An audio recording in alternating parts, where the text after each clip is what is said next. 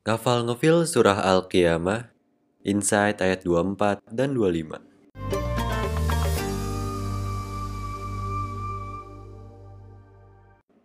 Selain ada wajah yang berseri-seri bahagia, ternyata di hari kiamat ada juga yang wajahnya wujuhu yawma izim basiroh. Dan wajah-wajah pada hari itu muram. Extreme sadness penuh ketakutan, gelap, begitu sengsara. Kata Basaro atau Al-Basru artinya tuh mempercepat sesuatu sebelum waktunya. Misal luka yang belum kering. Nah, itu disebutnya basarun. Nah, di ayat ini Allah ngasih tahu bahwa nanti di hari kiamat ada wajah-wajah yang bermuka muram sebelum waktunya. Baru di masyar aja, raut mukanya udah langsung berubah. Seketika gemeteran. Rasa takut itu menyapa begitu cepat sebelum waktunya. Harusnya kan gak usah nunduk terhina dulu. Ya kan belum di dalam nerakanya. Baru di mahsyar, baru permulaan dari serangkaian tahapan yang bakal nganterin mereka ke penyesalan yang tak berujung. Belum dihisap, belum didebat saat hisap, belum ditimbang di mizan, dan lain-lain. Tapi mereka udah insecure duluan.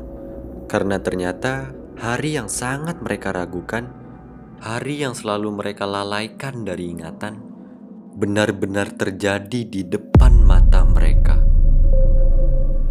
Wajah pendosa yang baru akan merasakan penderitaan seketika bermuram durja, menghitam dengan sangat. Kenapa? Karena tazunnu ayyif ala biha faqirah. Mereka yakin bahwa akan ditimpakan kepadanya malapetaka yang sangat dahsyat. Jadi mereka tuh tahu banget Habis ini mereka bakal dapat bencana yang luar biasa besar Yang bisa ngancurin tulang belulang mereka Kata fakiroh berasal dari huruf fa, ko, ro, yang salah satu turunan katanya ialah al-fiqroh, yang artinya tulang belakang. Fakiroh berarti kesengsaraan yang mematahkan tulang belakang seseorang. Dan sedihnya, mereka nggak bisa ngelak, nggak bisa ngumpet, kabur, atau nyari penghalang lagi dari bencana yang luar biasa dahsyat ini.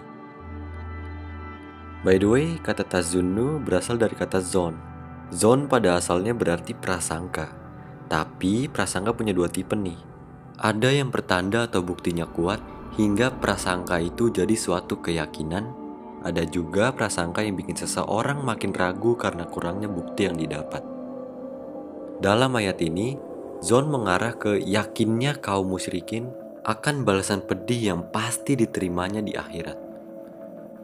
Karena rekaman perbuatan yang telah mereka lakukan selama di dunia makin jelas terbayang semua pembangkangan sama Allah, kekerasan hatinya, kecintaannya pada dunia, seolah menjadi pertanda kuat bahwa mereka akan menghadapi malapetaka yang besar setelah kiamat terjadi.